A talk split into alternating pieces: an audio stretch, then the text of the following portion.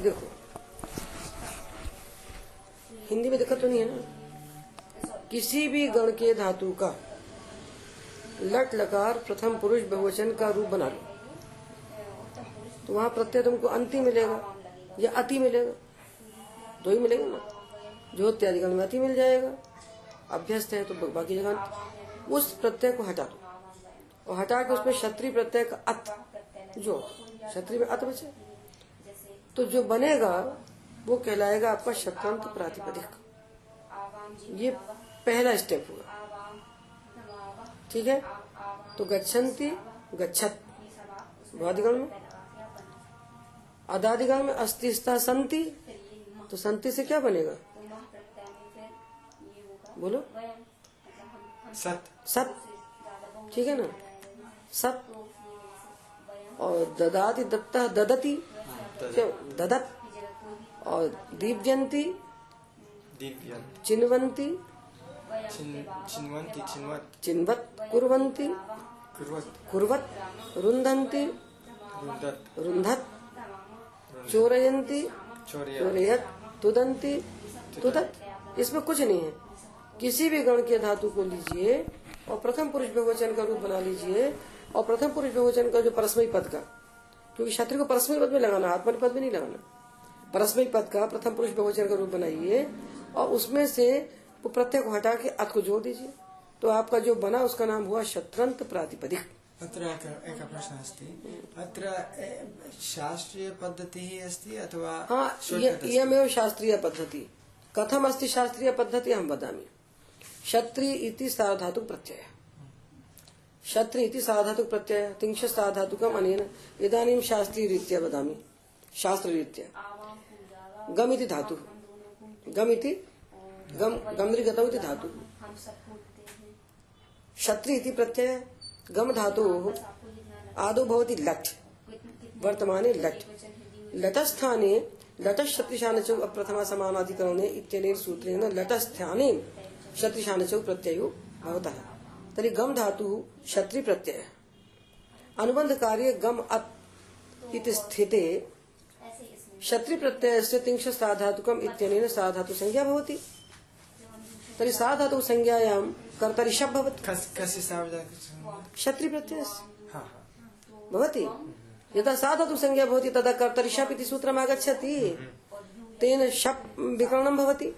तर्हि गम शप् क्षत्रि। ठीक है? अब शप् इत्यस्यापि साधतु संज्ञा भवति। ठीक है? शप् प्रत्ययशित अस्ति। अतः गम धातु स्थाने किं भवति? इषु गम्यमां छः। तर्हि छः भवति तो गागम भवति तदा गच्छ भवति।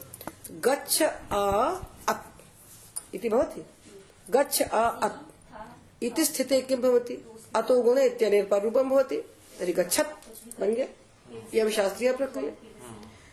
किमर्थं तत् तथा मैं उक्तं तथा अन्ति प्रत्यये परतः, अन्ति इति अपित् अजादि अपि साधातुक प्रत्ययः। अत इत्यप- अजादि अपि साधातुक प्रत्ययः। यत् कार्यं तत्र भवति, तदेव कार्यं शत प्रतिशतम शतम प्रतिशतम अत्र भवति। हंड्रेड परसेंट वही कार्य यहाँ होता है, इसलिए हमने शॉर्टकट बना दिया। जो वहाँ हुआ है, सब कुछ हंड्रेड परसेंट यहाँ हो। अतो गुणे से पररूप होगा संयोग से नहीं शास्त्रीय विधि से ये शास्त्रीय विधि है हाँ हाँ हाँ अभी समझ में आ गया पहले क्योंकि संस्कृत भारती भी वही कहना है लेकिन ऐसा भारती के पीछे जो शास्त्रीय विधि है वो नहीं कहा जाता है उधर और हमको मालूम होना चाहिए अध्यापक को मालूम होना चाहिए अध्यापक को ज्ञान होना चाहिए फिर हम पढ़ाने के लिए चाहे शॉर्टकट बताएँ और चाहे शास्त्रीय बताएँ पर हमको मालूम होना चाहिए अभी शास्त्रीय विधि हो गई क्षत्रिय हुआ, फिर शप हुआ। शप होने से शिशु का छह हो गया। जो कुछ हमने लट लकार में किया था, वो सब होगा, क्योंकि लट के स्थान पर ही शतिशान छुए। लट स्थान है शतिशान लट शतिशान छुए। तो वो शास्त्रीय विधि हो गई।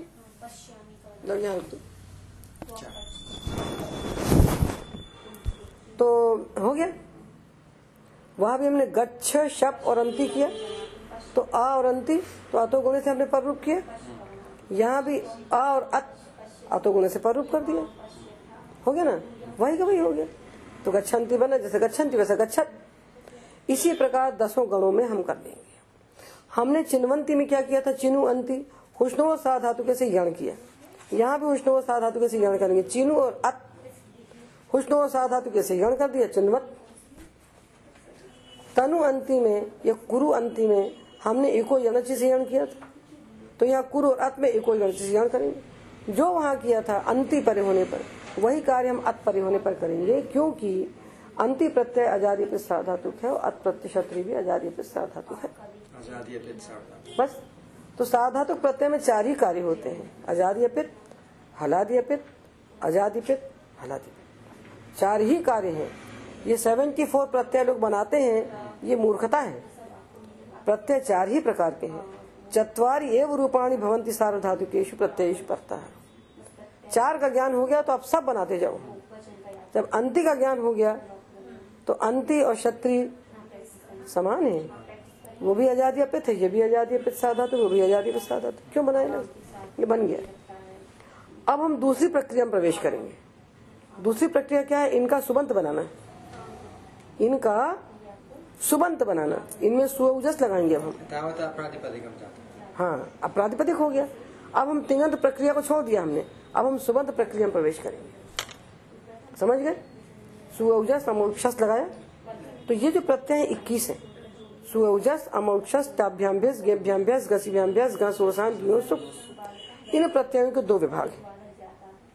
इनके एक्चुअली तीन विभाग हैं।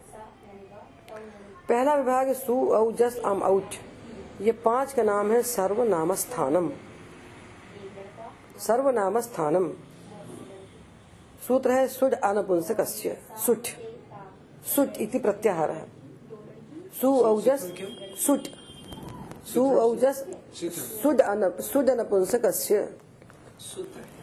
दो। अष्टाध्याय रखो।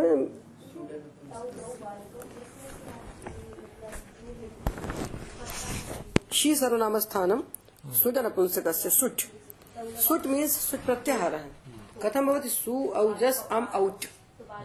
अम औट अस्य टकारेण संयोज्य सुप्रत्ययेन सह सुट इति प्रत्याहार भवति। अस्मिन् पञ्च प्रत्ययाः भवन्ति। एतेषां पञ्च प्रत्ययानां संज्ञा भवति सर्वनाम स्थानम् अथ च कस्य सर्वनाम स्थान संज्ञा भवति? शी सर्वनाम स्थानम दुर्गेश कहाँ चला गया सु औजस इदानीं सुबन्ध प्रक्रिया उच्यते। अम् औज एतेषां संज्ञा भवति सर्वनामस्थानं किन्तु यदा इमे प्रत्ययाः नपुंसकलिङ्गे भवन्ति तदा एतेषां स्थाने आदेशाः भवन्ति। नपुंसकलिङ्गे किं भवति? सुप्रत्ययस्य स्थाने अस्य लोपः भवति। अम् प्रत्ययस्य अस्यापि लोपः भवति। स्वमोर् नपुंसकात् स्वमोर् नपुंसकात् इति सूत्रेण अनयो लोपः भवति। तदा प्रत्ययः किं भवति? शून्यं शून्यं। प्रथमं। औ प्रत्ययस्य स्थाने भवति शी। जस्, अथ च अत्र शस् तत्र अनयो स्थाने भवति जस् शशोः शी। नपुंसक लिंगे प्रथमा, द्वितीय इमे प्रत्यय शून्य, शी शी। शून्यम शी शी इमे प्रत्यय सन्ति इमे नपुंसक लिंगस्य कृते प्रत्ययः। अत्र अत्र एतेषां पञ्च प्रत्ययानां सर्वनामस्थान संज्ञा भवति। अहं सुबन्त प्रक्रियाँ वच्मि। किन्तु अत्र अनयो द्वयो सर्वनामस्थान संज्ञा भवति। जस् शशो शी शी सर्वनामस्थानम् सूत्रं पश्यतु। अनयोः अनयोः किं भवति? सर्वनामस्थानम् इति संज्ञा। सर्वनामस्थानम् और अनयो पंच प्रत्ययानां सर्वनामस्थानम् ओहो पुंसि प्रथम पञ्च हाँ। अनुपुंसि द्वयो। त्रयो त्रयः अपि च षष्ठः। नहीं दो। जस एंड शस अनयो स्थाने शी शी भवति पुं नपुंसके जस शस अनयो स्थाने शी अयम् आदेशः भवति। नाम तृतीयः अपि च षष्ठः। प्रथमः द्वितीयः। प्रथमः प्रथमः द्वितीयः तृतीयः चतुर्थः पञ्चमः षष्ठः। अत्र पञ्चम। एवं न एवं न। जस शस अनयो स्थाने एवं वदतु। जस शस सूत्रमस्ति जस शशो शी। जस शशो शी अनयो स्थाने शी आदेश भवति। शश अनयो स्थाने नपुंसक लिंगे शी आदेश भवति। आदेशः कुत्र सन्ति अष्टाध्याय्याम्? आदेशाः सन्ति सप्तमाध्याये प्रथमे पादे। सप्तमाध्याये प्रथमे पादे आदौ फोर्टी नाइन सूत्राणि सन्ति तत्र प्रत्ययादेशाः भवन्ति। अष्टाध्याय्याम् एकस्मिन् प्रकरणे एकं कार्यं भवति। कस्यचन अपि प्रत्ययस्य स्थाने यदि आदेशः विधीयते तर्हि सप्तमाध्यायस्य प्रथमे पादे। देख लो खोल के साथ वही मेरा सूत्र? आदेशः प्रत्ययादेशः इति प्रकरणं तत्र वर्तते। सप्तमोध्याये प्रथमे पादे आदौ। आदौ। एकोनपञ्चाशत् सूत्राणि सन्ति। तैः सूत्रैः प्रत्ययादेशाः क्रियन्ते। ठीक है? तो इसने किया इनको आदेश। ये क्या कर रहा है? प्रत्ययादेश और शी सर्वनाम स्थान हम कहता है कि ये जो शी हुआ है इसका नाम सर्वनाम स्थान है ठीक है? तो ये होगा दो सर्वनाम स्थान और ये पाँच सर्वनाम स्थान सात स्थानम् सर्वनाम स्थानम शी सर्वनाम स्थानम सुजन नपुंसक ये दो सूत्र हैं। ये संज्ञा सूत्र है प्रथम पाद में। है वो प्रत्यादेश कर रहा है इसलिए सप्तम अध्याय में। कौन सा सूत्र प्रथमाध्याय से प्रथम ये शी सर्वनाम स्थानम जो संज्ञा कर है। संज्ञा सूत्र। शी सर्वनाम स्थानम शि सर्वनामस्थानमिति संज्ञा सूत्र ये संज्ञा सूत्र है। ये संज्ञा सूत्र नहीं है प्रत्यादेश सूत्र है। प्रत्यादेश है इसलिए साथ एक में बैठेगा संज्ञा कर रहा है, इसलिए प्रथम अध्याय बैठे बैठेगा ऐसे सेक्शन है इसके सेक्शन समझ पानी की संरचना समझ लीजिए। अष्टाध्यायी संरचना विज्ञानम अथच अष्टाध्यायी प्रक्रिया विज्ञानम।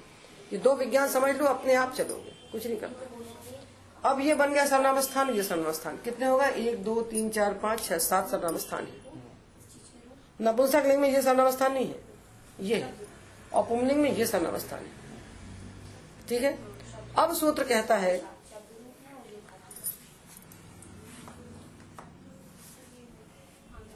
अब सूत्र क्या कहेगा? कि अभ्यस्त अंग यदि है, अभ्यस्त अंग है, नाभ्यस्ता छतु नाभ्यस्ता छतु। हम लोग क्या पढ़ रहे हैं? नुमागम। नुमागम का प्रकरण है अष्टाध्यायी में। सा, एक, पचास है, देखो देखो फिफ्टी एट से एट्टी थ्री टू नुमागम सारा नुमागम जितना दुनिया में है संसार में उस सब इतने में है। क्या? सार का नुमागम इतने ही है। तो पानी ने सारे नुमागम के सूत्र एक साथ रख दिए चाहे वो नुमागम सुबंत में हो चाहे वो तिंगंत में हो चाहे वो कृदंत में हो कहीं भी नुमागम यदि है वो नुमागम इतने ही सूत्र हैं। ये पाणिनि की विशेषता है। एक कार्य के लिए एक प्रकरण एक कार्य से कृते एकम प्रकरणम तत्व तदेव कार्यम भवती, तस्मिन प्रकरणे अन्यत किमपि न भवति। ये नुमागम कर रहे हैं, सूत्र नुमागम ही करेंगे। इसमें कोई सूत्र नुमागम के अलावा कोई काम नहीं करेगा।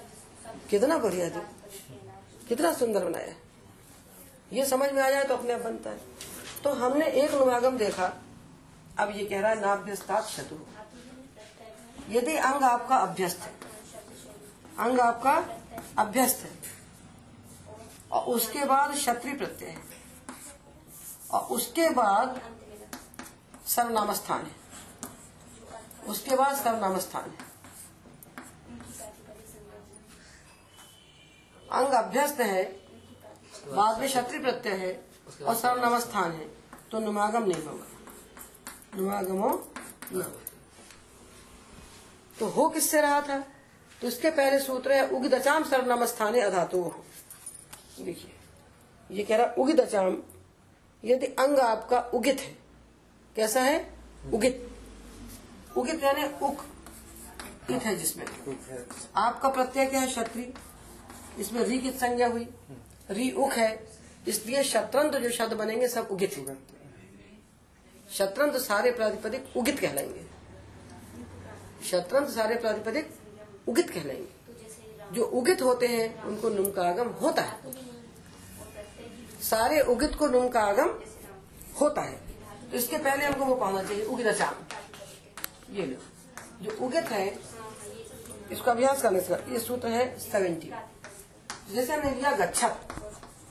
ये गच्छत लिया ना कैसा है? उगित। ये पाँच प्रत्यय में इसको नुम का आगम होगा। देखो जो उगित है उनको सर्वनाम स्थान पर होने पर नुम का होता है। तो क्या बनेगा? गच्छन गच्छन्त गच्छन्त गच्छन्तम गच्छन्त गच्छत। बस पाँच जगह होगा। ये गच्छता गच्छत भ्याम गच्छत भी आगे नहीं होगा। सर्वनाम स्थान। सर्वनाम स्थानेषु प्रत्ययेषु परतः उगित अंगानाम। नुमागम भवति स नुमागम अभ्यस्ता नाम न भवति। इसका रिलेशन इससे है। ये सूत्र सेवेंटी है। और ये है सेवेंटी एट इसका रिलेशन इससे है। इधर समझ ये कहता है जो उगित प्रातिपदिक है उनको सर्वनावस्थान पर होने पर नुमकागम होता होता है। है। तो गच्छत उगित है। हाँ। उक संज्ञा हुई है री की। हाँ। री कित संज्ञा हुई है री उक है। इसलिए ये कहलाया उगित। उगिदंत कहलाया। उगिदंत कहलाया।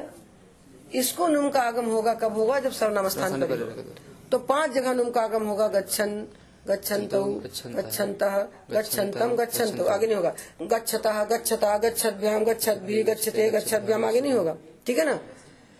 ये नुमागम जो कह रहा है सूत्र ये सूत्र इसका ही निषेध कहते हैं, यदि अंग आपका अंग आपका अभ्यस्त है तो नुमागम नहीं। नहीं होगा। जैसे हमने आप कर लिया ददत ये भी उगिदंत है। उगित से बना ना? शत्रंत है। इसको नुमागम नहीं होगा। तो ददत ददतऊ ददतः ददतम ददतऊ। इसको नुमागम नहीं नहीं होगा। ये दो सूत्र हो गए। सर्वनाम स्थान है। हाँ और नपुंसक अन्यत्र नपुंसक तत्- तत्- तत्कृते उच्यते। वा नपुंसकस्य। नपुंसक लिंगे यत् सर्वनावस्थानं भवति तत्र नुमागमः वा भवति। यथा ददा। ठीक है ना? ददा से ददत बनाया हमने। प्रत्यय शून्य। ददत। ददती। ददत। ददती। और यहाँ क्या बनेगा? ददती और ददंती। नुमागमा वा भवति हो गया? तो नपुंसक लिंग में हर जगह अनुमागम होगा विकल्प से। सर्वनावस्थान में। सर्वनाम स्थान पर है। किसको विकल्प? अभ्यस्त को। अभ्यस्त को। अभ्यस्त को। सबको नहीं होगा। अभ्यस्त को। संज्ञा होगी। जो अभ्यस्त नहीं होगा वहाँ नहीं होगा। नहीं होगा।